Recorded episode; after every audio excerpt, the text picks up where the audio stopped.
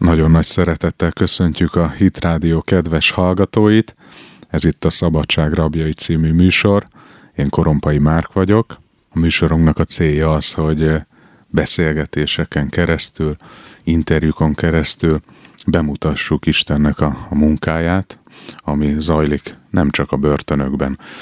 Az elmúlt időszakban, lassan már több mint két éve, a Szabadság Rabjai című műsorban hallhattatok nagyon komoly bizonyságokat arról, hogy emberek hogy változtak meg börtönökben, hogy tértek meg a gyülekezet börtönszolgálata által, hogy lettek mafiózókból tisztességes emberek, drogkereskedők, hogy változtatták meg az életmódjukat, vagy volt olyan műsor is, ahol egy rablógyilkos tett bizonyságot arról, hogy hogy ismerte meg a rácsok mögött az urat, és miért jelentkezett utána később a Szent Pál Akadémiára.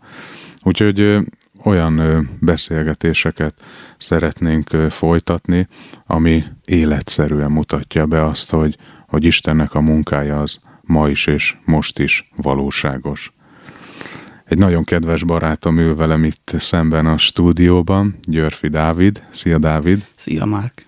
Ismerjük egymást régóta, épp a műsor előtt beszélgettünk, hogy együtt kosaraztunk közel tíz éven keresztül, de emellett azt is tudjuk rólad, legalábbis én tudom, hogy egy keresztény családba születtél, második generációs vagy, és egy nagyon komoly elhívással rendelkezel diplomatának tanultál, és most is képzed magadat, több nyelven beszélsz, és azért hívtunk meg most a műsorba, mert ahogy említettem, hogy olyan bizonyságok hangzott, hangzanak el többnyire a szabadság rabjaiban, hogy nagyon kemény háttérből, nehéz sorsból, bűnözői múltból térnek meg emberek, és megkaptuk azt a megjegyzést, vagy visszajelzést, hogy miért nem beszélgetünk olyanokkal is, akik, akik ilyeneken nem mentek keresztül, de, de mégis megérintette őket az Úr, elhívta őket az Úr, megtértek, és nagyon jó keresztények, hogy velük beszélgetve kicsit bele, belelássunk abba, hogy, hogy az ilyen háttér, vagyis hogy valaki egy keresztény családba születik, a gyülekezetben nő fel, a gyülekezeti intézményben tanul, egy ilyen háttér milyen kihívásokkal jár együtt, és, és ezért szerettünk volna téged meghívni, veled beszélni, hogy, hogy te, a te életednek a az eddigi történetét elmondva, ebbe adj egy kis belelátást Hát először is nagyon szépen köszönöm a meghívást, nagyon megtisztelő. Elsősorban azt szeretném így elővinni, vagy elővezetni, hogy egészen biztos vagyok benne, hogy nagyon sokan vannak még rajtam kívül a gyülekezetben, akik, akik nagyon elkötelezettek, keresztény családba születtek, talán nem is mentek át azokon, vagy másféleképpen mentek át bizonyos dolgokon, mint én. Másféle harcaik voltak, és, és egész biztos, hogy, hogy nagy tömeget lehetne itt ilyen szempontból megszólaltatni, hogy hogy, hogy hogy is van az, hogy azért a keresztény szülők azt tudják mondani, hogy hát hál' Istennek sikerült a gyereket, az, gyermekünket az úrban nemzeni, szülni és felnevelni. Azért biztos vagyok benne, hogy sok ilyen példa van, hát hogy most rám esett a választás, ez egy, ez egy talán a baráti kötődés, meg a, a megtisztelő felkérés következménye. Hát, De azért alapvetően azt szögezzük le, hogy ez Istennek a terve mindenkivel kapcsolatban, hogy eleve már vele járjon. Tehát, hogy ne legyenek nagy kerülői, ne kelljen mondjuk olyan dolgokba belemenni, amiből aztán még nagyobb kegyelem kell, hogy, hogy megtérjen. Vagyis nem is tudom, hogy mi a nagyobb kegyelem, hogy, hogy az ember eleve egy olyan családba születik, ahol egy, egy nagyon jó mintát lát, vagy az, hogy, hogy meg tud térni 20, 30, 40 vagy 50 évesen. Nem is ez a kérdés, de azt gondolom, hogy Isten alapvetően abba gondolkodik, hogy, hogy az ember az egész életét vele élje le, minél több időt Hát hogy ne, de azért alapvetésként azt is szeretném elmondani, így ahogy készültem a gondolataimmal. A legfontosabb dolog, amit szeretnék leszögezni, akkor már így az elején, ha ez előkerül, akkor tegyünk ilyen alapvetéseket, hogy, hogy egyik, tehát én nem tartom se jobbnak, se rosszabbnak az, hogyha valaki keresztény családba születik, és mondjuk életében nem járt még diszkóba, és volt lehetősége arra, hogy ezeket elkerülje, és mondjuk hűséges volt többé-kevésbé azon a látáson, amit kapott, semmivel sem több vagy kevesebb, mint az, hogyha valaki akár luxus prostituált volt, narkós volt, díler volt, rablógyilkos volt, nem tudom én mi volt, semmivel sem több vagy kevesebb, mert a múltja azt hozta létre, ezt termeltek ki, a, a dílernek ilyen harca van, nekem olyan harcom volt. Tehát igazából, vagy volt és volt. Tehát öm, öm, én egyiket sem tartom kisebbnek vagy nagyobbnak mindenki a saját maga, át, saját maga képességei szerint, a kapott világosság szerint, a, a múltja szerint volt képes letenni azt az asztalra, amit letett, és például az, hogy mondjuk olyat is, olyan embert is ismerek, akinek nem tudom, még a hatod, hatodik generációs keresztény, tehát még az 1800-es években már a déd, ük, vagy nem is tudom, szép szülei meg voltak hát az akkori keretek mhm. között érve. Hát nyilván egy ilyen, egy ilyen ember máshogy indul, mint az, aki István királyi visszamenőleg mondjuk ö, ö, kleptomániások voltak a szülei, tehát vagy, vagy, vagy teljesen mindegy, hogy milyen múltból. Hát nyilván ez egy különbség. De csak abban van különbség, hogy ki honnan jön, és nem abban, hogy az ő szíve hogy áll az úrhoz. Azért ez, ez így fontos. Nak tartottam leszögezni akkor, akkor beszéljünk arról, hogy a te szíved hogy, hogy áll az Úrhoz, mi kellett ahhoz, hogy a helyes kapcsolatod, a jó kapcsolatod kialakuljon Istennel, mert, mert azért mégis egy csomó minden adott volt ugye neked a, a szüleid már megtértek, amikor te megszülettél, tehát te eleve egy ilyen családba születtél. Természetes volt az, hogy a gyülekezetbe jársz, természetes volt az, gondolom, hogy otthon Isten igéje a középpontban van, bibliai értékrendet azt, azt már gyerekként láttad, tehát hogy az a háttér mégis mit, mit adott neked, meg, meg mi az, ami ezzel együtt kihívás volt? Hát azt adta, hogy van Isten, ez egy fontos.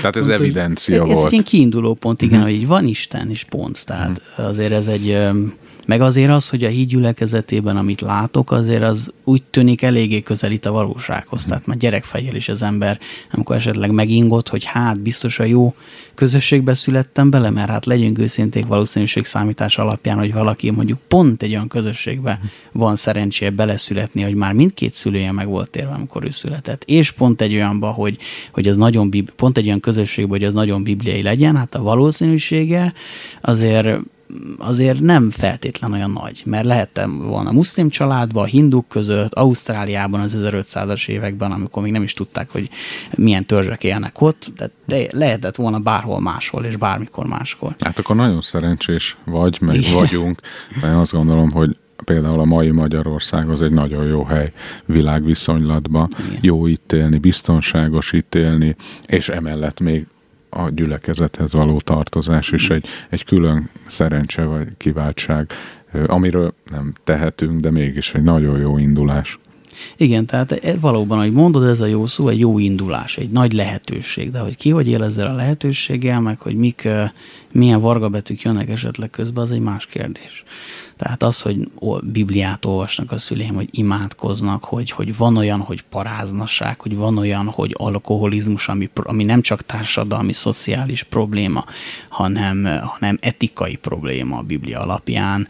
Az, hogy mit tudom én, hogy a, hogy a káromkodás, ami mindenkinek világban egy, egy ilyen normalitás, természetes, természetes dolog, az, az nem jó tehát ezek azért fontos dolgok, és ezek le vannak szögezve. Tehát úgy, hogy egy evolucionista, vagy egy materialista szülők től született gyereknek az, a, az az evidencia, hogy nincs Isten, és hogy, a, és hogy addig gurultak a részecskék, amíg összegurultunk, tehát ez azért nem, nem, nem ugyanaz, mint hogy én, aki az anyatejjel szívtam magamba azt is, hogy, hogy, hogy van Isten, és hogy, és hogy ő milyen, tehát nem egy szigorú, tehát nem, nem az, amit esetleg más vallásokban, vagy más teológiai nézetek hirdetnek, vagy nem egy erő, nem a yin yang, meg, a, meg, meg, meg, meg nem Zaratusztra hozza el az igazságot, hanem Jézus Krisztus, és, és ő megfeszítetett, és hogy ennek mi a, a jelentősége, és hogy ő feltámadott. Tehát nem ott maradt a kereszten, és ezért nem is érdemes úgy ábrázolni, hogy ott maradt, mert nem maradt ott egészen konkrétan.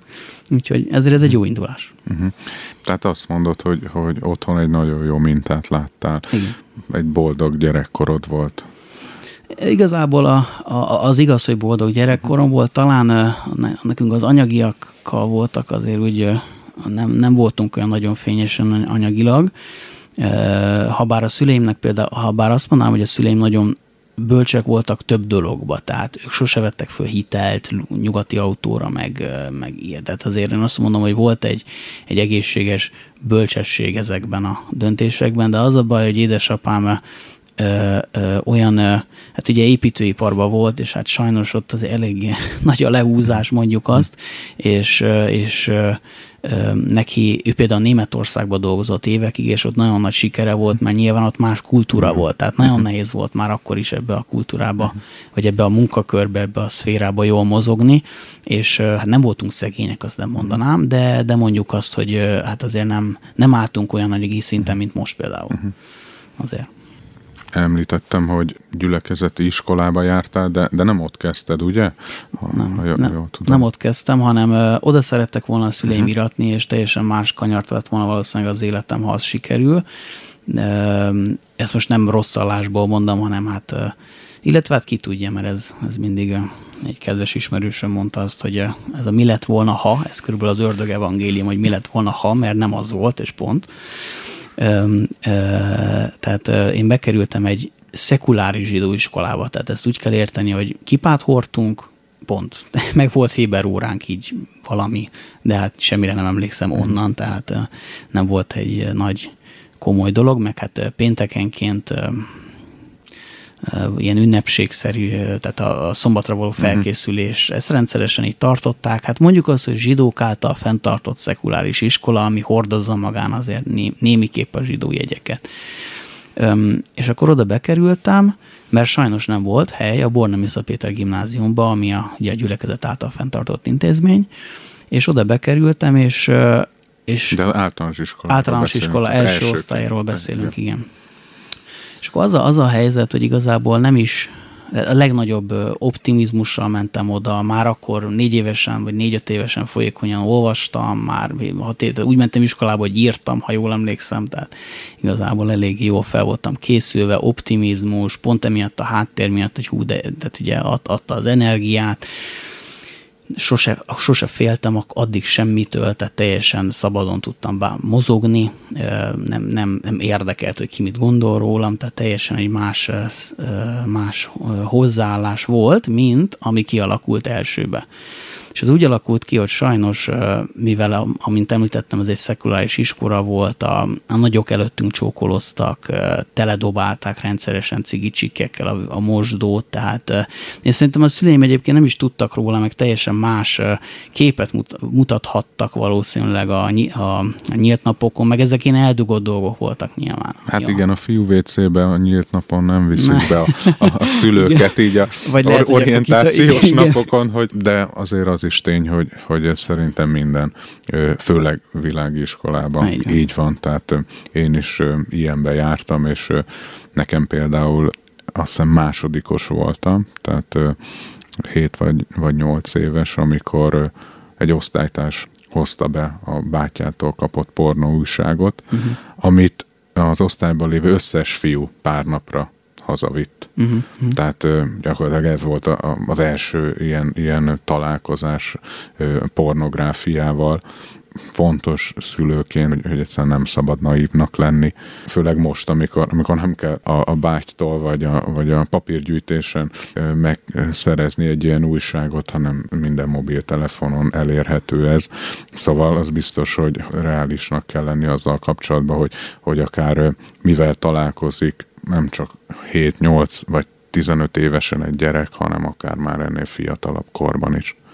Igen, érdekes, amit mondasz, mert nálunk, tehát ugye én most 24 éves vagyok, és 7 évesen kerültem iskolába, az azt jelenti, hogy, hogy lassan már 20 éve, és akkor nálunk például az, hogy pornográf újság, az ilyen nem létező fogalom, tehát így valami, ami így úszik a levegőbe, és hallottunk már róla, hogy valami ilyesmi van, de úgy nem, nem kerültünk ezzel azért így kapcsolatban. Én nekem az az érdekes, hogy a mai napig nem tudom, hogy hogy tényleg, de nem emlékszem rá konkrétan, hogy hogy alakult ki, de sajnos talán az is lehet, hogy, a, hogy láttuk ugye az idősebbeket, ahogy egymásra egymással, egymásra gerjednek mondjuk azt így a folyosón meg a eldugott kis zugokban.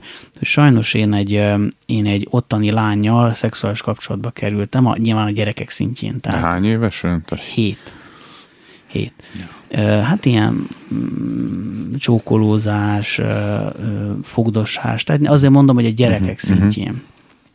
És, Egyszerűen és, az, amiatt a közeg miatt azt mondod, igen. ami, ami, ami ott volt. Aha. Hát most ugye nyilván gondoljuk el azt, hogy azért voltak ott már tizedikesek, tizenkettedikesek, internet már létezett, el tudom képzelni, hogy ilyen pornográf oldalakat böngésztek reggeltől estig a szünetekbe, ilyen újságokat olvastak, és amikor az ember, tehát ez kell, ez kell szerintem nagyon tudatosítani a keresztény szülőknek, hogy nagyon észre tegyék be világi iskolába a gyerekeket, mert még akkor is, hogyha esetleg egy jó osztályba teszi, de hogyha rendszeresen elmegy a folyosón olyan emberek mellett, akiknek a szeméből is ez süt, amit este csinálnak, vagy napközben akár csinálnak, vagy a telefonján ott van, a, ami éppen az böngészi a folyosó sarkán, akkor keresztény világnézet miatt muszáj elhinnünk azt, hogy ezek akkor is hatnak, hogyha az embernek nincsen fizikai ingere erről, tehát nem látja, nem hallja, de akkor is ezek hatnak és, és nagyon, nagyon-nagyon át, ötször át kell gondolni, míg valaki beleteszi, beteszi világi iskolába a gyermekét, és nagyon komoly felügyelet alatt. Tehát én azt látom, és ez már akkor egyébként igaz volt, most meg hát pláne igaz. Na most mondom, tehát e, ez így egy évig ment, körülbelül így, így ez, a, ez a fajta kapcsolatvitel, és kifejezetten emlékszem, hogy akkor jöttek be a félelmek az életembe, ugye nyilván a lebukástól mm. való félelem. Szüleim előtt egyébként nem is buktam le, tehát az az érdekes, hogy ők egészen addig nem tudtak erről, amíg én nem beszéltem már felnőtt fejjel mm. róla. Ö, és mi jött még be, mondtad, hogy, hogy ennek következtében, vagy ezzel együtt egy változás azért elindult igen, benned, egy negatív változás? Igen, egy olyan negatív változás, hogy iszonyú agresszív lettem, tehát valószínűleg pont emiatt.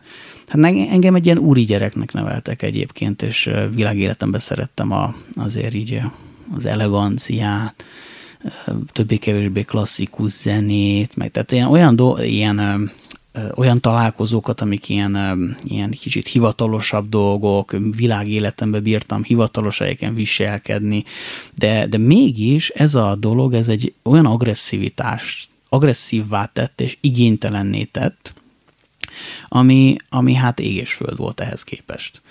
Hát én addig állandóan szüleim ilyen ingibe járattak, már, már az összes iskolás fényképezésem, az óvodás fényképezése is szerintem, mert, mert volt egy ilyen kultúra.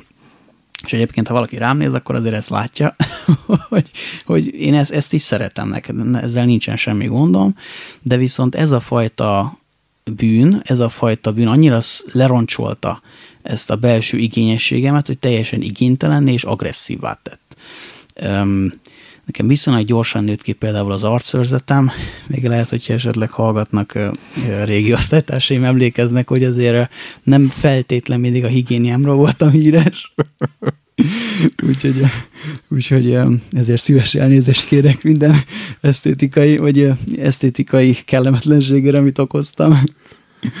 és, és hát mondom, ez ilyen nétett. Aztán, aztán ez egy, egy évig így ment, és és aztán a szüleim, hála Istennek, hogy volt hely a Bornemisszába. Egyébként a szüleim már akkor is a Bornemissza Péter gimná, ö, általános iskolába akartak iratni, uh-huh. már a leges legelén, csak nem volt hely uh-huh. sajnos. Uh-huh.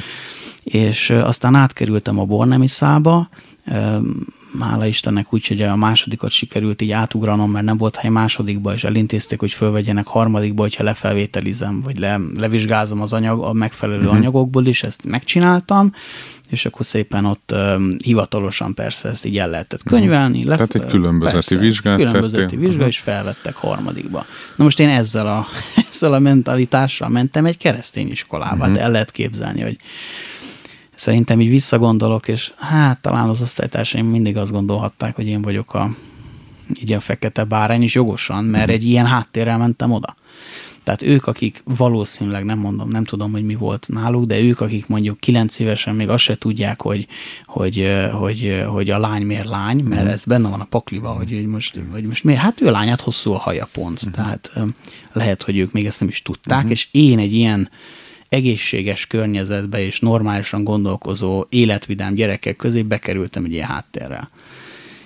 És ennek ez, akkor elszenvedői lettek? Tehát ez az agresszivitás igen, megmaradt? És Sajnos megmaradt, hát olyan jelent is volt, hogy uh, srácot, uh, hát uh, ugye, ugye murvás uh, rész, vagy murvás, uh, hát talán tehát nem kert, hanem egy ilyen murvás be, bekerített uh-huh. rész volt, ott sokat fociztunk, meg, meg bunyoztunk, és, és volt olyan is, hogy hát most így kínomban nevetek nyilván a dolgom, mert visszagondol az ember kicsiként, azért az előfordul, hogy beszólnak egymásnak a fiúk, és akkor egy pofonnal lerendezik, és mire a tanárnő oda jön, már egymásra borulnak, már egyébként a legjobb haverok, tehát ez benne van, de, de nálam nem ez volt. Uh-huh. Nálam az volt, hogy valaki egy rossz szót odaszól, egy, egy kettőt mozdított a szemöldökén, ha nekem nem tetszett, akkor volt olyan jelent, hogy földre a gyereket, és végighúztam egy befagyott murván, aminek ugye a kavicsok bele vannak fagyva a tetejébe. Tehát lehet, hogy akár problém, akár egészségügyi gondja is lett volna uh-huh. a mhm. srácnak, ha nem téli nagy kabátban van. Tehát azért, meg nem is tudom, hogy a feje, hogy, hogy, hogy, hogy, hogy, hogy óvódott meg a feje, mert arra meg kifejezetten emlékszem, hogy nem volt sapka rajta. Tehát így nem, nem Most is... ezúton is elnézést kérsz azért, nem? Egyébként a srácot fölhívtam felnőtt fejjel, és megbeszéltük. Mondta, hogy hát ne vicceljek hát semmi, de érdekes volt, mert volt bennem egy érzet, uh-huh. hogy hát most miért ne? Hát. Ja. És a tök jóba vagyunk. Uh-huh. Úgyhogy Úgyhogy ja. bunyók voltak, állandóan kerestem, hogy birkózzunk, verekedjünk. Hála Istennek sosem ment vérre menően, de valószínűleg azért, mert egy ilyen, ilyen környezetbe kerültem be, tehát ahol mhm. azért ez így konzerválódott. És akkor mikor volt az a pont, amikor megtértél, tehát ez is, ha, ha jól tudom, nagyon-nagyon fiatalon Igen. történt, ugye a, a, ahogy beszéltük, hogy egy nagyon jó példát láttál, tehát a, ez a fogalom is, hogy megtérés, tudtad, hogy, hogy ez egy valóságos döntés, és cselekedetekkel jár. Tehát mikor hoztad meg ezt a döntést? Hát előre bocsátanám, hogy az a, eh, ahogy említettük itt ezt a úgymond hatásgyakorlás, hogy nem is feltétlen mutatnak meg fiataloknak pornográf képeket, de hogyha valaki azt nézegeti közvetlen a közelébe, reggeltől estig a szünetekbe, akkor, akkor higgyük el, hogy az hat. Ugyanígy, a más szerencsére az a jó hír, hogy a jó oldal is hat. Uh-huh. Tehát, hogyha egy gyerek rendszeresen be van hozva a gyülekezetbe, látja azt, hogy a szülei felemelt kézzel dicsérik az urat, hogyha elviszik a gyerek szolgálatba, ott rendszeresen a Bibliáról van szó, szóval nyilván az őszintjükön ez hat. És ha nem ért semmit a fejével, akkor is hat. És ha, ha nem is akarja esetleg még, nem is akar még esetleg ebben lenni, de az, hogy mit tudom én, elmegy a folyosó mellette 5 perc alatt 30 olyan ember, akiből süt a Szent Szellem, uh-huh ezeket megérzik a fiatalok, és erre én is kifejezetten emlékszem, hogy mindig megéreztem azt, hogy, hogy, hogy nyilván most ez egy jó környezet, ez egy szent tiszta környezet, nem értettem, hogy poráznaság, meg ilyeneket, semmit nem értettem, de éreztem nagyon, és kifejezetten emlékszem, hogy nagyon erősen működött ez az érzékelésem. És akkor nyilván, hát körülbelül 9 éves koromra alakult ki bennem az, hogy amit én a, a világi iskolában csináltam, az rossz. Uh-huh és, és ez az agresszivitás is hát agymeni, agymenés. Nem, norm, de nem normális az, hogy, hogy egyszerűen nem bírok, nem tudok más játékot elképzelni, mint az, hogy egymásra ugrunk öt sráccal, és, és, és ott tépjük egymást, uh-huh. bírjuk. Tehát ez nem normális és, és Hát és meg gondolom ebből azért volt, volt konfliktus a tanárokkal, hát, aztán a szülők persze. elé kerültek ezek Szerencsére az a szülők elé sose kerültek, csak a tanárok elé, Aha. tehát ez is egy nagy kegyelem volt. De ők nem is tudták, hogy, hogy ilyen, ilyen vagy, vagy, vagy otthon ez nem volt, ez inkább csak az iskolába jött ki. Hát amikor intők voltak, akkor látták, de szerintem nem értették. Aha. Tehát ez az érdekes, hogy, hogy ők nem tudták, hogy mi zajlik. Aha. Tehát nem értették, mert, mert, ugye, mert, mert én születésemtől fogva ők rendszeresen hoztak a gyülekezetbe, bölcsi, ovi, gyerekszolgálat. Aztán beültem ugye mindig az mhm. alkalmakra, uh-huh. mit tudom én, egy ilyen tíz éves koromtól fogva szerintem mindig, uh-huh. tehát ez elég gyorsan volt nála. Hát én elég gyorsan fölnőttem sajnos, uh-huh. pont emiatt a, a jó gyerekkor, tehát jó, nem, sosem mondanám azt, hogy a szüleim miatt lett volna rossz a gyerekkorom, hanem azt mondom, hogy mivel nagyon korán belekerültem azért a bűnnek a melegágyába, ezért ezért nagyon gyorsan fölnőttem. Uh-huh. és kilenc évesen döntöttem úgy, hogy teljesen konkrétan. Nem mondtam el a szüleimnek, hogy mi volt az oka, hogy én tudom, hogy hát bocsika, de ha most itt visszajön az úr, akkor maradok. és, ezért, és ez megijesztett, kilenc Aha. évesen már. Uh, és, és akkor kimentem előre egy vasárnapi napon 2005 végén, és akkor, akkor elmondtam a megtérő imát, de tényleg teljesen komolyan. Tehát nem az volt, hogy hogy itt uh, ilyen játék, vagy kiküldtek, sőt a szüleim még nyugtatottak is, hogy jó, ez örülünk, hogy jelezted, várjunk egy hónapot, uh-huh. és tényleg, mert ez egy nem játék, nem olyan, hogy visszafordulunk, tehát nagyon reális, és örülök neki, hogy ilyen reálisan vették ezt a dolgot. És akkor le, letelt egy-két hét, és mondtam, hogy ne viccelj, én meg akarok térni. Tehát most vagy uh-huh. kijöttök, vagy kikísértek, uh-huh. vagy nem kísértek, én kimegyek. Uh-huh. és ki is mentem. És akkor 11 éves korom míg, hát ilyen félig ebbe a egészséges eufóriába, hogy azért tudom, hogy megtettem egy olyan lépést, ami fontos. Félig meg abban éltem, hogy viszont szembe találkoztam filmekben tisztátalan jelenetekkel, és sajnos ez, az a baj, hogy olyan, egyszer azt mondta az egyik ember a gyülekezetben, egy egyik lelkész, akire nagyon felnézek, hogy hát igazából, ha nagyon őszinték vagyunk, 1940 előtti filmeket lehet csak nézni, mert, mert, mert azok azok, amiket nem kell rendszeresen tekergetni, hogy itt van egy káromkodás benne, ott van egy nem tudom mi benne, tehát hogy nem úgy érzi az ember, hogy jó, kaptam egy vizuális élmény, de mintha leöntöttek volna három vödör moslékkal, tehát és ez igazából a régi, még a fekete-fehér világ.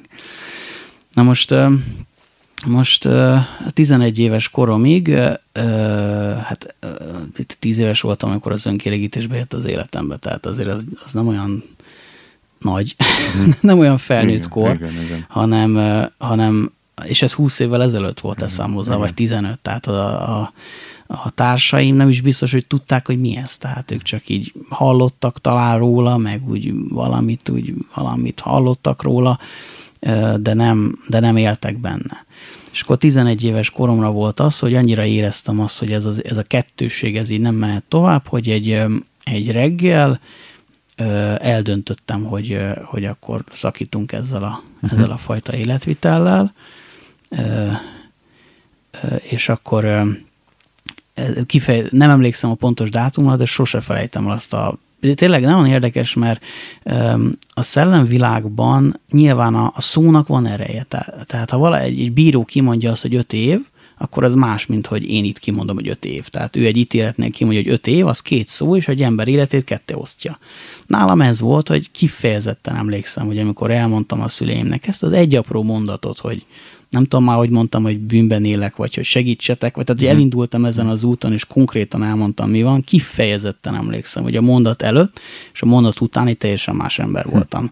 Mert ahogy mondja János Apostol is, kijöttem a világosságra. Tehát mhm. azért, hogy ítéljetek meg nyugodtan, tehát az ige alapján legyen ez a dolog megítélve, lezárva, én ki akarok ebből jönni.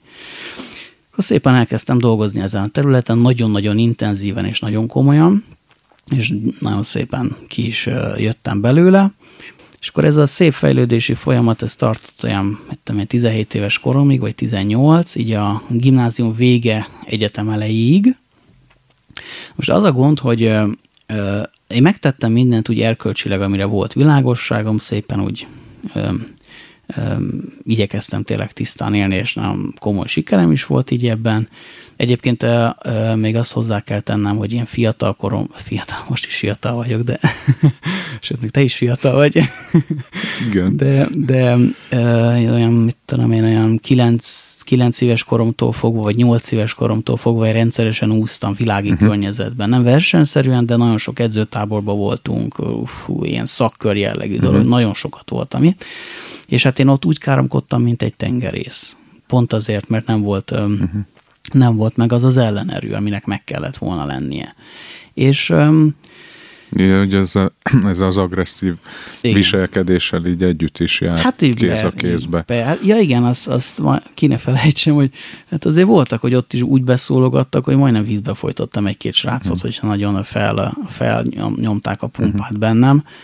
És még igazából az is egy nagy kegyelem, hogy nem történt egészségügyi uh-huh. gond, uh-huh. nem történt baleset, mert uh-huh. azért ilyen, erre szokták mondani azt, hogy hát mit gyerekkori baleset, vagy akár nem tudom milyen, tehát iskolai, oktatási uh-huh. baleset, de ez nem baleset, hanem, hanem ezek, ezek már emberek, akik felnőttesen gondolkoznak. Ez a probléma vele, hogy nem egy, egy 9 éves vagy 10 éves testbe zár, de egyébként egy 30 éves ember agresszivitásával élő ember. És azért ez nagy különbség.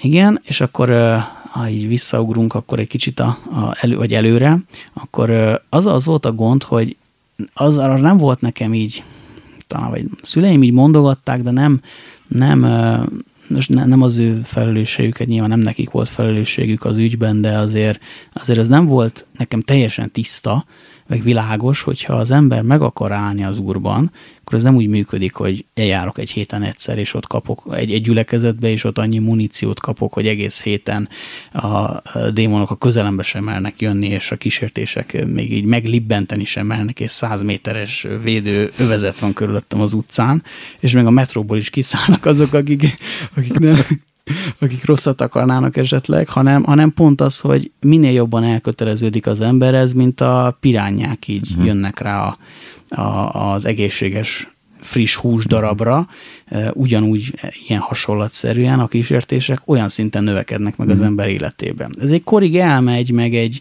meg amíg a szülők meg tudják imádkozni, meg amíg az ember nem kerül ki mondjuk egyetemre, uh-huh. meg világi környezetbe, akkor addig azért ezt meg lehet, talán el lehet libegni ezen a területen, talán, még a mi időnkben el mhm. lehetett.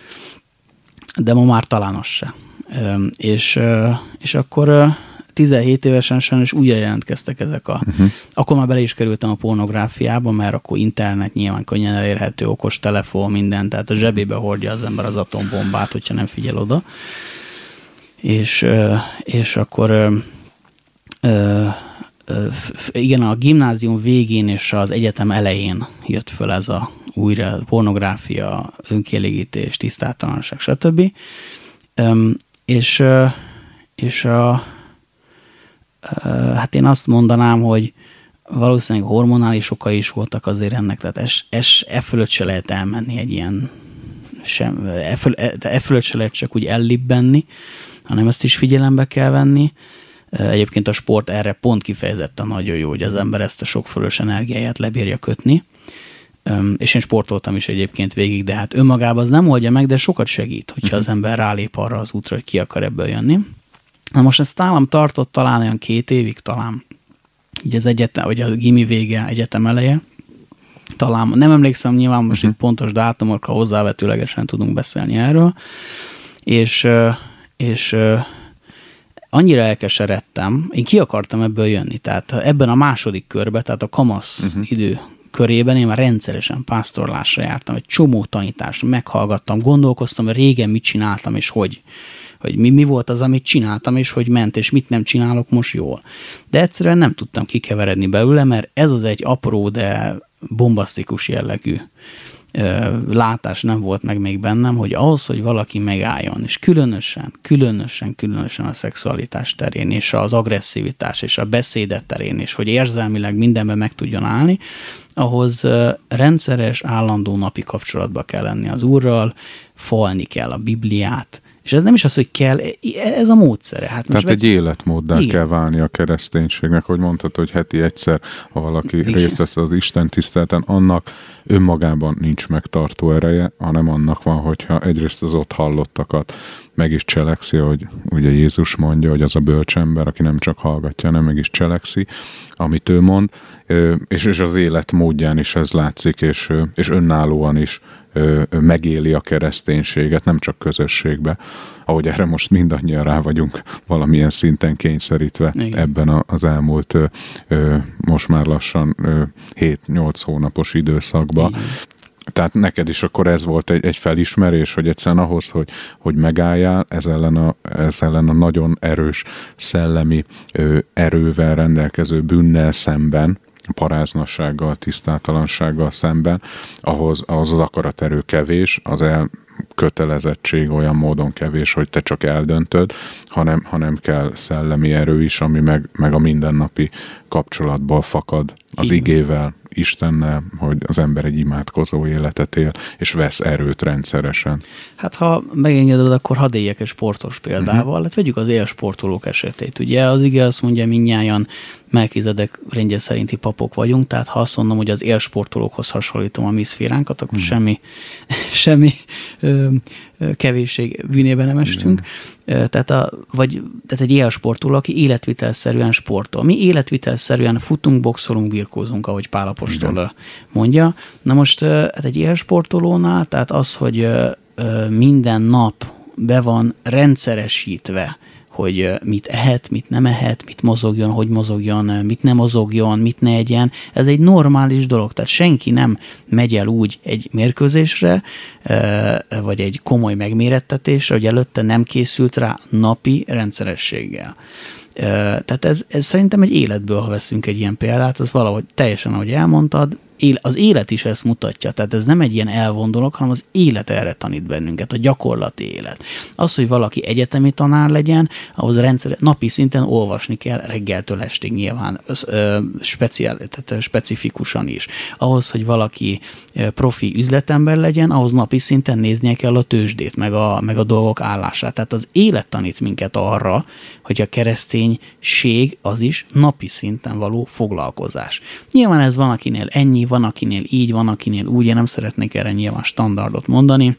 Egyébként a Szent Pál Akadémián ez is rendszeresen elhangzik, hogy azért a, és ez idő, tehát ez nem úgy működik, hogy beülök a kocsiba, végighallgatok három dicséretet minden nap, és akkor vége, az nagyon jó, és az jó alap, de azért, azért nyilván ezt, ezt, ezt, ezt ahogy bontogatják is az Isten tisztelteken, ez egy napi komoly munka, és időnként, időnként, nem mindig időnként véres izzadság, azért ez is benne van, hogy néha semmi kedve nincs az embernek, és aludt öt órát, és, de tudja, hogy kéne, mert, mert érzi a, a környezetén, hogy most aztán tényleg kell erővétel, ezek benne vannak. De hát ez a szép, hogy minden, ahogy telik az idő, azt a, visszanézünk, és nem azt mondjuk, hogy hát leéltünk egy életet, végig tévéztük az életünket, meg, meg, meg végigettük, meg mhm. végig dolgoztuk, hanem arra tudunk visszanézni, hogy volt valami, amiben kiválóan teljesítettünk ha már csak ez az egy lenne, már akkor is azt tudjuk hmm. mondani, hogy volt egy terület, amiben állandóan fejlődtünk, és szinte a szakértőivé váltunk. És, és a legfontosabb területről beszélünk. A, az ember örökkévaló sorsát ezt határozza meg igazán. Nagyon jó az a hasonlat a sportos, amit mondtál. Egyrészt én is sportolok, sportoló voltam, tehát tudom azt, hogy, hogy milyen hatása van a, az ember életére, életmódjára az, hogy, hogy van egy rendszeres, ráadásul céllal rendelkező idő, amit, amit eldönt, hogy ezt erre, erre fordítom, mert van egy célom. És, és a, a sportasolat azért is jó szerintem még, mert ahogy mondtad, hogy föl kell készülni ellenféllel szemben nagyon komoly ellenfelünk van. Ugye az ördög, aki mint ordító oroszlán jár szerte, és egyszerűen keresi az alkalmat, hogy, hogy, hogy elragadja az embert, hogy, hogy megkísértse, hogy egy bukásba vezesse bele, és, és vele szembe meg nekünk is egy, egy folyamatos készenlétbe kell lenni, tehát mindig készen kell állni, hogy ellenálljunk neki. És, és ez bizony csak úgy lehetséges, ha tényleg mindig készen állunk, ha tényleg mindig ott vagyunk abba a jó szellemi állapotba, amihez tudom, és tisztában vagyok be, vele, hogy kell kegyelem, de mellette a mi részünket is meg kell tenni, tehát le kell tennünk az életünket, oda kell szánnunk az időnket, és azért az fontos, mindenki meg tudja vizsgálni, hogy, hogy mennyi időt szán más dolgokra, tehát, hogy most tényleg nem ez a lényeg, hogy mennyit olvas, mennyit imádkozik, most időben ö, ö, megszabva, de, de ahhoz viszonyítva viszont szerintem egy nagyon jó ö, ö, kiindulási alap, hogy más dolgokat az életébe ö, mennyi időn keresztül végez és csinál. Mennyit internetezik, mennyi tévét néz, mennyit foglalkozik a hóbortjaival, ahhoz képest már azt gondolom, hogy, hogy már nem olyan ijesztő az a, az, a, az a szám, vagy az az arány, ami, ami ahhoz kell, hogy az ember, az ember tényleg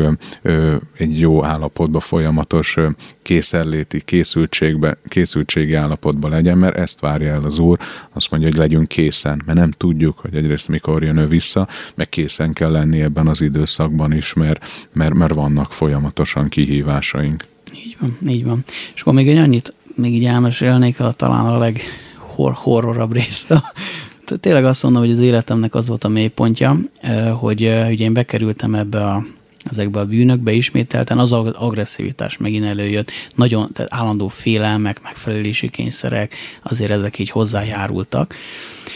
És ugye az egyetem elején, igen, talán az első év végén, vagy a második év elején, ha jól emlékszem, akkor volt az, hogy én annyira elkeseredtem, hogy de annyira, annyira, annyira elkeseredtem, mert annyira ki akartam jönni, és évek óta tartott ez a e, e, visszacsúszok, e, megállok két hétig vagy egy hónapig, megint elesek, bűnvallás, egy hónap, elesek, bűnvallás, mm-hmm. egy Tehát ez, ez egy, ahogy ez borzasztó az a ritmus. Mm-hmm. Ilyen az ördögnek egyébként, hogy van, van, van bibliája az ördögnek, az a póker, van zenéje, ez a ritmus, úgyhogy sajnos mindent leutánoz. És, és, és hát annyira a mélypontra jutottam, hogy egy januári napon én eldöntöttem, hogy, hogy megölöm magam. Tehát, hogy annyira elegem van ebből a, hogy ebből a kilátástalanságból, hát az Isten látja a helyzetemet, és, lá, és, biz, és tényleg az volt, hogy én akkor már, már világosságra hoztam rendszeresen ezt a dolgot, tehát nem ilyen, nem bujkálva voltam a sötétségbe, csak nem ment. Uh-huh. És, annyi, és úgy voltam vele, hogy hát az Isten biztos látja azért a, úgymond a szívemnek az áll, a hozzáállását, mm. hogy én ki akarnék egyébként jönni, csak nem látom egyszerűen a kiutat, hogy biztos meg valahogy mégis becsusszanak a mennybe a küszöb alatt. Tényleg, tehát mm-hmm. azért ez, ez azért fontos erről beszélni, mert, mert mert ha esetleg valakinek, esetleg valakinek, akár most, akár a, majd a jövőben, ha meghallgatja, és vagy lesznek, vagy voltak, vagy éppen most vannak öngyilkossági kísérletei, valószínűleg, vagy gondolatai, uh-huh. valószínűleg ilyen gondolatok mennek le a uh-huh. fejében. Tehát most nem azt mondom, hogy pszichológussá váltam azért, mert túléltem ezt a mhm. helyzetet, mert mint uh-huh. látszik, itt vagyok, de, de, de, de utána a mélységét, de ami, igen, tehát utána azért a mélységét megért, el tudom képzelni, milyen az, hogyha valaki késhez nyúl, kötélhez nyúl, gyógyszerhez nyúl. Uh-huh. Na most mi volt a helyzet nálam? Úgy én felkeltem egy, egy talán olyan éjfél körül, januári nap, szüleim mélyen alszanak, és tudom, milyen az az érzés, hogy az ember úgy, úgy néz az ételre, hogy na ez volt az utolsó, tehát hogy így mhm. akkor, tehát hogy véget ér az élet, és akkor ez volt az utolsó Búcsú étel, levelet írtál, meg minden. Igen, igen. És, és akkor beül, vettem egy kést a konyhából, beültem a kádba, írtam egy levelet, és kétszer megvágtam magam. Tehát nem arról van itt szó, hogy elképzeltem, hogy uh-huh. majd talán esetleg, meg, meg hanem nekem öngyilkossági kísérletem volt. Uh-huh. És azért az nyilván az egy szint már, sajnos. Az volt az óriási kegyelem az egészben, hogy először is, amikor elkezdtem látni, hogy itt csorog a vérem, és kb. talán már fél deci vért vesztettem is, akkor valahogy egy ilyen isteni sugallatra, vagy a szüleim imájára, vagy nem tudom, tehát valamire biztos, egy, egy, hát kaptam arra kegyelmet, hogy megálljak, és rájöttem arra, hogy igazából tényleg elkezdtem érezni azért a, hát talán nem akarok itt nagy szavakat mondani, de azért az ember pokolnak a súlyát ilyenkor kicsit közelebbről érzi. Uh-huh. Tehát a, mert azt mondja az ige, hogy gyilkosok nem öröklik Isten mhm. országát, és ha valaki öngyilkos, az is gyilkos. Ezért, ezért igazából tényleg azt mondanám, hogy megéreztem annak a súlyát, hogyha én most itt átmegyek a másik oldalra, hát sajnos akkor lefele megyek, és nem fölfele, és az egy örökké valóság. Uh-huh. És akkor ez visszafordított, azon megijedtél. Nagyon, hú, nagyon, nagyon, nagyon Van, megijedtem. ugye mondja, mondja, hogy van, akit rettentéssel mentsetek meg. Így van. Tehát az Isten most ebben az esetben megrettentett És milyen jó, hogy ezt megtette. Téged, milyen jó, hogy ezt megtette. Hogy megmenekülj. Igen, és akkor azonnal elállítottam a vérzést, ugye ott szerencsére ott voltam a fürdőkádban azonnal a víz, de szépen mindent eltüntettem, búcsúlevelet széttéptem, uh-huh. minden nyomát eltüntettem, gyorsan megittam fél liter szörpöt, visszajött a cukor, elmúlt a rossz érzé, tehát a rosszul létem, uh-huh. és akkor már úgy feküdtem le, hogy hát nem tudom, hogy hogy fogok kikerülni ebből a nehéz helyzetből, és ötletem sincs, hogy hogy lehet normálisan keresztényként élni, de hogy még egyszer ez az eszközhöz uh-huh. nem nyúlok, az teljesen biztos. Uh-huh és azért erre, erre ez, ez, ez nagyon jó volt, hogy sikerült erre a döntésre jutni. Tényleg is annak tulajdonítom a kegyelmet, és nem azért, hogy mondjak valamit, hanem azért, mert tényleg. Tehát én annyira kilátástalan helyzetben voltam, most gondoljuk el, meg voltam térve, tíz éve már, uh-huh. tíz éve. Ben voltam születésemtől fogva a gyülekezetbe, és tényleg szerintem már azért akkor egy, mondjuk azt, hogy egy jó szívű srác uh-huh. voltam, rengeteget szolgáltam a gyülekezetbe, ismertek vezetők, jó véleménnyel voltak rólam, és ki is akartam jönni. Tehát nem az mhm. volt, hogy én kettős életet éltem, hanem nem ment, és annyira kilátástalan volt ez a helyzet. És, és aztán aztán akkor ezután az öngyilkossági kísérlet után értettem meg annak a jelentőségét, hogy hát itt állandóan arról beszélnek, hogy ima, meg bőjt, meg stb. Hogyha annyira beleviszem magam az Isten jelenlétébe, hogy tényleg minden nap szinte úgy élem meg, mintha a német Sándor pásztor rám tette volna a kezét, és annyira benne van az, tényleg az ember annyira benne van az Úr jelenlétébe, hogy, hogy, hogy azt éli meg, mint amit mondjuk egy körülmény után átél. Hát most nem gondolnám, hogyha valaki egy, egy ilyen komoly, mondjuk egy töltekezős alkalom, betöl, Szent Szemmeló betöltekezéssel tarkított összejövetel után hazafele meglát egy, egy, egy olyan fokrém reklámot, amit női testtel reklámoznak, nem, tehát szerintem az a tényleg az undor, tényleg a hányás szintéig, szint, szintjéig viszi el. Na most, hogyha valaki egy ilyen életvitelt él, hogy állandóan ebbe a feelingbe van, most nyilván nem az intenzitás a lényeg, hanem az, hogy megpróbálja megjeleníteni ezt a fajta környezetet maga mm. körül, akkor meg tud állni. És az a helyzet, hogy ebbe kezdtem el élni, minden nap korán keltem, tényleg kértem az urat, hogy segítsen. Megvallást mondtam, és ez nagyon fontosnak tartom, hogy szellemi fegyverek megvallás, ez egy ilyen felöltözködés, tényleg egy szellemi felöltözködés. Tanulmányoztam az igét, és hangosan, tehát nem ilyen darával, uh-huh. hanem tényleg hangosan, értelmező, állandóan tanításokat hallgattam, körbebástyáztam magamat, és azt vettem észre, hogy hoppá, hoppá, hoppá, elkezdtek eltűnni a problémák. És akkor ez van már, hál' Istennek azért most már több, sok éve, vagy több éve azért, tehát nem tegnap történt ez a, a dolog, hanem már több éve, és, és sikerült tényleg így megállnom a, az egyetemen, nem tudtak el bolondítani, nem tudtak el bolondítani a fejemet, uh-huh. életemben nem mentem el diszkóba, még a, még a, még a gólya, Táborba. se a gólya táborba, uh-huh. se a, a nem, is tudom, milyen, nem is tudom milyen gálaestnek hívták már a, talán a gólyabár, se a uh-huh. gólyabárra, a nevére sem emlékszem. és, és, és, akkor, és akkor is szépen ezt sikerült így kialakítani, és akkor azt mondanám, hogy attól fogva, nyilván kisebb-nagy az ember azért nem az első pillanatban szabadul meg, de mondjuk azt, hogy amikor ennyire eltökéli magát, és elkezd ilyen életvitelt élni, akkor abban már bele van csomagolva a győzelem. És azért kim voltam 97%-os muszlim országban 2017-ben egy, fél, egy négy hónapot, négy, igen, négy hónapot, úgyhogy egyszer egy ember úgy fogalmazta meg, hogy úgy jöttem vissza, mint ahogy elmentem. Uh-huh. Tehát, hogy azért egy nem, nem, nem, nem elidegenedtem, uh-huh. hanem pont, hogy megerősödtem, mert aztán nagyon kellett kapaszkodni, uh-huh. mert megint az, nem, nem térített senki. De amikor bemegy egy ember egy olyan környezetbe, hogy mindenki úgy gondolkozik a kereszténységről, hogy a halálos ellenség, mindenki uh-huh. úgy gondolkozik a nőkről, hogy egy darab hús, most uh-huh. elnézést a kifejezésért, de az ő véleményüket mondom. A, amikor homoszexuálisok száz méterenként, vagy egy kilométerenként vannak az utcán, tehát most nem, nem elvon dolgot uh-huh. mondok, én kinéltem Azerbajdzsánba, és ott ez van, tehát elmegy az ember egy bevásárlóközpontba, végigmegy három emeleten, egészen biztos, hogy minden emeleten legalább négy-öt egymást kézenfogós rázba botlik, száz százalék. Uh-huh. Tehát na most, amikor egy ember egy csak elsétál ilyen emberek mellett, mondanám akár szellemi transferencia, de hát csak egy ilyen környezetben. Ilyen jönnek, között, jönnek gondolatok, akár arra, hogy az embert elbátortalanítsák a hitét, minek akarsz te megállni, hát menj az élet örömeibe, meg, és főleg amikor már sajnos ennyire a szexuális mhm. perverzitás előre van ott, hogy mondjuk már a homoszexuálisok nyíltan mászkálhatnak egy muszlim országba, mhm. akkor azért... Megdöbbentő ez, amit, amit mondasz, mert ugye nem ezt a képet szeretnék közvetíteni magukról, tehát a, pont a, a, a muszlimok, hanem ez ellen a legjobban föl vannak háborodva képmutató módon.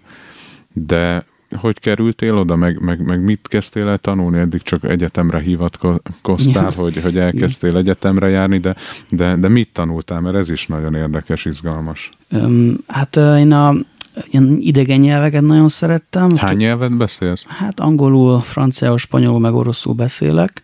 És még ezen kívül tanulsz is nyelveket, Hát igen, ugye? most a, akkor el, az elején. ugye az angol az kötelez. Egyébként a nyelvek mentek a legnehezebben az Aha. elején. Tényleg? igen, mert... Hát mert- belejöttél. Belejött, igen. Meg, megéreztem a, talán a vérszagát, hogyha így, így ilyen hasonlattal élhetek. Hát ugye az volt, hogy elsőbe, amikor a világ és, vagy szekuláris iskolában voltam, akkor nem tanultunk angolt, és én úgy kerültem harmadikba, hogy az ottani srácok a Bornemiszelben már két éve tanultak. Hát el lehet képzelni, milyen lemaradás volt. Aztán szüleim ott voltak a toppon azonnal, és magántanár, stb. szépen nyolcadikra eltűnt a különbség, és akkor, amikor beléptem a gimibe, és elkezdtem franciát tanulni, akkor volt az, hogy így, nem tudom, mi tényleg egy ilyen, um, hát um, um, nem is tudom mi, mit, hát nagyon elkezdett menni tényleg, uh-huh. tehát um, szerettem is, ment is, értettem is, ragadtak a szavak, tetszett a hangzása, minden, jó volt a kiejtésem, stb. Uh-huh. Tehát ugye elkezdett szépen menni, az angol is föl, föl megerősödött, a francia az azért többiek így mindenki úgy tekintett rám, hogy tényleg én voltam azért a csoportban az első, és ez egy nagy sikerélmény volt, és ugye ez a, de örültem neki, mert azért amennyire én visszaemlékszem, sose, sose úgy néztem le a társ, sose néztem le azért a társaimat uh, emiatt, úgy emlékszem legalábbis, merem remélni, hogy ők is ezt alátámasztják, inkább talán segítettem nekik, tehát nem, há, örülök neki, hogy nem, nem, vitt, nem vitt egy ilyen egoista uh-huh. idióta állattá ez a, ez a siker, aztán elkezdtem spanyolul tanulni 12-be, talán, vagy 11-be, a teljesen magánúton az is felsőfokig ment, aztán oroszul kezdtem el tanulni, azzal tudtam kimenni Azerbajdzsánba, meg Oroszországban, mert azt ott Azerbajdzsánba értik, Oroszországban ugye anyanyelv, úgyhogy, úgyhogy az meg az olyan 10, nem is tudom mikor, 2016 környékén kezdtem el, tehát úgy szépen fölfejlődtek ezekből, mint tettem felsőfokú nyelvvizsgát, nyilván kopnak, nem, van, ami kopik, nem annyira használom, uh-huh. van, amit használok, van, amit nem használok, franciát a gyülekezetben, a tolmács szolgálatban, a többit az angolt az valamennyire az egyetemen, és ugye az egyetem, hát 2015-ben a Nemzeti Közszolgálati Egyetemen volt szerencsém öm, első éves, fiatal, friss, és, és még öm, hát nagy, hogy is mondjam, nagy reményekkel beindulni az egyetemre, aztán ezek so, gyorsan lerombolódtak sajnos, mert az illúzióm is lerombolódtak, uh-huh. meg hát amint említettem, akkor még erkölcsileg nem tudtam tiszta lappal lapot felmutatni, és ezért, ezért nagyon, ne, nagyon nehéz volt egy uh-huh. idő után. Ugye én nemzetközi kapcsolatokra, vagy hát nemzetközi igazgatás szó szerint, uh-huh. de az a nemzetközi kapcsolatoknak egy ilyen elnevezése, mondjuk azt, hogy rámegy nagyon közigazgatásra, szervezetekre, államműködés, némi, vagy hát nem némi, nagyon sok nemzetközi jog, tehát hogy mindenből egy kicsit egy kicsi. Tehát nemzetközi, nemzetközi gazdaságtan, kiskereskedelem, stb. stb. Uh-huh. Tehát, hogy mindenre. Aztán ott a, az, ez volt az alapképzés, a mesterképzés szinte ugyanez volt, három fél éves, tehát az már csak másfél év volt, de az angolul, tehát teljesen angolul, szépen sikerült le mindent ötös, vagy hát a diplomáim jelesek lettek ott, úgyhogy azért talán kiderült, hogy nem volt ez egy uh-huh. rossz döntés, tehát nem találtam ki, hogy atomfizikus szeretnék lenni, hirtelen. Úgyhogy most, meglá- most PHD-zok, tehát doktorizok, uh-huh. ugyanezen az egyetemen, uh-huh. ugyanezen a szakon, és egyébként ugyanannál az oktatónál, uh-huh. aki, akivel a mesterképzésen megírtam a diplomamunkámat. Úgyhogy most ez egy jó, meg egy olyan jó kis csapat kialakult, uh-huh. már szinte ilyen műhelyen, műhelybe vagyunk, mert uh-huh. annyian összesereg lettünk itt a, a tanárnő körül, uh-huh. mint a, a, remélem lassan már professzor asszony, mert megérdemelné, mert, uh-huh. mert már doktorát is, habilitált is, uh-huh. most már utolsó, utolsó, hogy tényleg legyen professzor asszony, mert egyébként nagyon jó, tehát nagyon uh-huh. hálás vagyok, hogy hozzá kerültem. Um, úgyhogy, úgyhogy most ez van. Mellette 18-ban elkezdtem a Szent Pál Akadémiát levelezőn, most harmadéves vagyok. Most az ógörögre nagyon úgy ráfeküdtem, aztán nyilván meglátjuk, hogy milyen ki ebből az egészből. Hát nyilván a nyelvek mennek, ezért úgy voltam vele, hogy kezdjük ott, ahol azért, ahol azért hazai pályán mozgok, uh-huh. és akkor most az ógörög meg az óhéber azt tűnik annak, hogy most felszabadult jobban időm, mert ugye a PHD miatt most ilyen alkalmi dolgokban vagyok leginkább, de tudok, so, tudok sokat tanulni, meg olvasni, amit szeretek. Úgyhogy, úgyhogy most így ez van. Uh-huh. Meglátjuk, hogy hova dől ez a dolog. Egyetemi oktatásba gondolkozom egyébként, tehát az lenne, ami úgy szívemhez közel áll. és egyébként egyébként hála Istennek így a, a szexuális bűnök mellett sikerült ledolgozni ezt a brutál agresszivitást is. Tehát mondjuk azt, hogy néha még előjön, meg néha hogy kapaszkodnom kell, hogy ne szóljak vissza egy utcán, amikor majdnem nekem jönnek, és ne ordibáljak ide, azért szerintem ezzel nem vagyok egyedül, de mondjuk azt, hogy nálam ez nagyon extrém volt. Tehát uh-huh. én ezt tartottam normálisnak. Tehát ezt az uh-huh. adrenalin szintet tartottam uh-huh. normálisnak és, és akkor ugye az ember újra, hál' Istennek, hogy elegánsá válik, meg hogy tényleg most nem arról van szó, hogy valaki ármanis pólóban van, meg valaki most inkben, nem ez a mhm. lényeg, hanem hogy zápoltság az az, az alap, amiből ki kell indulni és, és akkor ezt is így a, sikerült ledolgozni. És egyébként érdekes van még, ha annyit megengedsz, hogy én azt látom, hogy egyébként ez a, a szexuális bűnök, az nyilván egyszer úgy fogalmazta meg nekem valaki, hogy nem találkozott lelkészi pályafutása alatt, még nem találkozott olyan férfi valakinek, ez ne lett volna gond. Nyilván ő férfiakat pásztorolt, ezért tudta mondani, de azért talán nem rugaszkodok el a valóságtól, ha azt mondom, hogy a hölgyeknél is nyilván ez bejön. Uh-huh és főleg mivel a világ ezt nyomatja reggeltől estig, és már például a szüzességnek semmi értéke nincsen. Az, hogy, az, hogy, az, hogy az, hogy valaki egy emberrel gondolja az életét, aki más nemű, tőle ellenkező nemű, ez már, ennek már semmi értéke nincsen, ez egy ilyen bigott, felesleges ketrec, amiben bezárnak, és ebbe kell élni egy életen keresztül, tehát egy ilyen világban nem csodálkozik az ember. De viszont azt látom, hogy sokaknál, vagy azt látom, hát a szerény véleményem, mhm. hát most nyilván, amit én látok, de persze ezt majd az utókor, meg nálam bölcsebb emberek is mm, eldöntik, hogy, hogy az a helyzet, hogy igazából nem ez a mélysége sokszor a problémának, hogy szexuális bűn, ez egy ilyen kulturális hozam is, hormonális hozam is, mert egyébként ennek van realitás és normalitása egy időben meghatározott keretek között. Tehát nem arról van szó, hogy valaki házasság előtt lehet részeg, nem lehet részeg, utána meg igen, tehát nem egy ilyen választó vonal, hanem arról van szó, hogy ennek megvan a kerete valami egy házasságban, szövetségi rendszerben, de az, hogy de sokaknál igazából nem az az eredendő probléma, hogy most pornográfia. Persze, nagyon rossz és nagyon kemény, de minden, sokaknál van, akinek a depresszió. Ez komolyan. Tehát valaki azért él szexuális bűnökben, mert egyébként depressziós. Igen. Tehát egy elfogadást igen, kap, meg igen. az elvetettségre igen. is ez, ez egy ilyen hamis gyógyír tud lenni, igen. hogy azt érzi, hogy akkor szeretnek, elfogadnak, közben pedig csak egy, hát, egy szexuális eszköz, és, és ki van használva igen. adott esetben. Vagy a cigaretta, vagy a drog vagy én nem volt, és soha életemben nem szívtam el egyetlen és lukot se, nem voltam részeg, nem, nem is láttam még kábítószert életemben.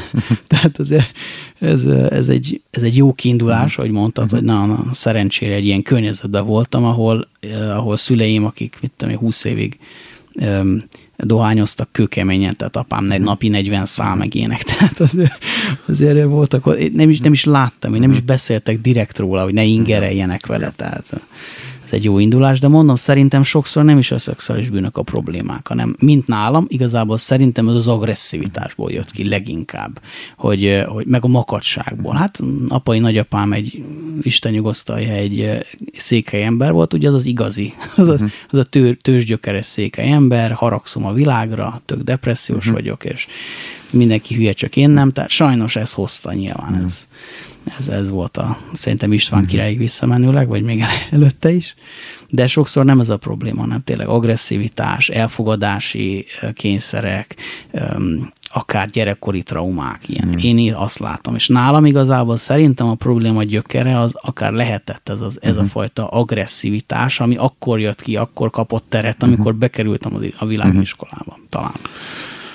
Hát igen, illetve az biztos, hogy, hogy minden, minden ilyen megnyilvánulásnak, vagy, vagy bűnös cselekedetnek alapvetően a, az oka az a, az a megváltatlan természet, és hogy egy, eleve egy, egy, egy olyan állapotban van az embernek a szíve, ami, amire az egyetlen gyógymód az, hogy elfogadja Jézus Krisztusnak a, a kegyelmét az ember, és kap egy új szívet. Nagyon jó volt hallgatni ezt a bizonyságot, és szerintem tényleg sok fiatalnak ez, ez üzenet, amit mondasz, hogy egyrészt, egyrészt mindenkinek megvannak a saját harcai és küzdelmei, senki nem ússza meg, és ezeket meg kell harcolni, bele kell állni ezekbe a harcokba. Ugye Timóteusnak mondja Pál, hogy, hogy harcold meg a hitnek a szép harcát, és, és így tudja elnyerni az ember az üdvösséget, az örök életet. Tehát az, meg, megszerezte ennek az alapját a messiás, megváltott minket, de, de nekünk a harcot meg kell, meg kell harcolni a saját életünkben, ahogy, ahogy itt a, beszélgetés végén említetted, hogy, hogy akár amit örököltünk, az a rossz természet, azzal szemben is, amit a felmenőink elkövetnek, vagy követtek annak a, a hozadékával is. De a jó hír az az, és szerintem ez, ez, a, ez a műsor, ez a beszélgetés erre ráerősített, hogy, hogy van szabadulás, van megoldás, az ember életébe be tud jönni a kegyelem, csak ott kell lenni az embernek azon a helyen, ahol be tud jönni, ahol tud kegyelmet venni, meg kell találni a megtérés helyét, és ez, itt van, én azt gondolom, a hídgyülekezetébe, mi itt találtuk meg, itt tapasztaltuk meg az Istennek az erejét, ami valóság, hogy te is utaltál hogy gyerekként érezted, hogy ez valóság. Még Igen. ha nem is értetted, de egyszerűen érezted, hogy mi a különbség a világi iskolába, a barátaid között, mi a különbség egy gyülekezeti iskolába, és mi a különbség az, hogy az ember ö, ö, bemegy egy Isten tiszteletre, és ott, ott milyen személyekkel találkozik Istennek a, a jelenlétébe be tud kerülni. Úgyhogy ez nagyon nagy, nagyon nagy kegyelem. Hát köszönöm, Dávid, hogy, hogy elmondtad ezt ilyen őszintén, és, és nagyon sok sikert kívánok neked, és Istennek az áldását, hogy vezessen továbbra is, mutassa meg, hogy, hogy mi, a, mi az elhívásod, a, jövőd, hogy ez a sok tanulmány is beérjen, és, és egy nagyon, nagyon jó sorsod legyen, ezt kívánom, mert nagyon jó alapot kaptál, ahogy erről beszéltünk, te is hozzátettél már sok mindent, de kívánom, hogy, hogy a jövőben meg, meg megtaláld az Isten akaratát az életedben. És nagyon köszönjük a hallgatóknak is, hogy velünk voltak, a Szabadság Rabjai című műsorunkat hallottátok. Két hetente jelentkezünk minden hétfőn 19 órától új adással, illetve a, azon a héten vasárnap este 8-tól ismételjük meg, illetve ami fontos még, hogy amiket említettem, olyan korábbi beszélgetéseket, amik bemutatják az Istennek a kegyelmét, szabadítását, például börtönviselt emberek életében, prostituált emberek, mafiózók életében, hogy hogyan szabadultak meg. Ezeket a beszélgetéseket is újra hallgathatjátok a Hitrádiónak az archívumában. Nagyon szépen köszönjük, hogy itt voltatok, viszont hallásra!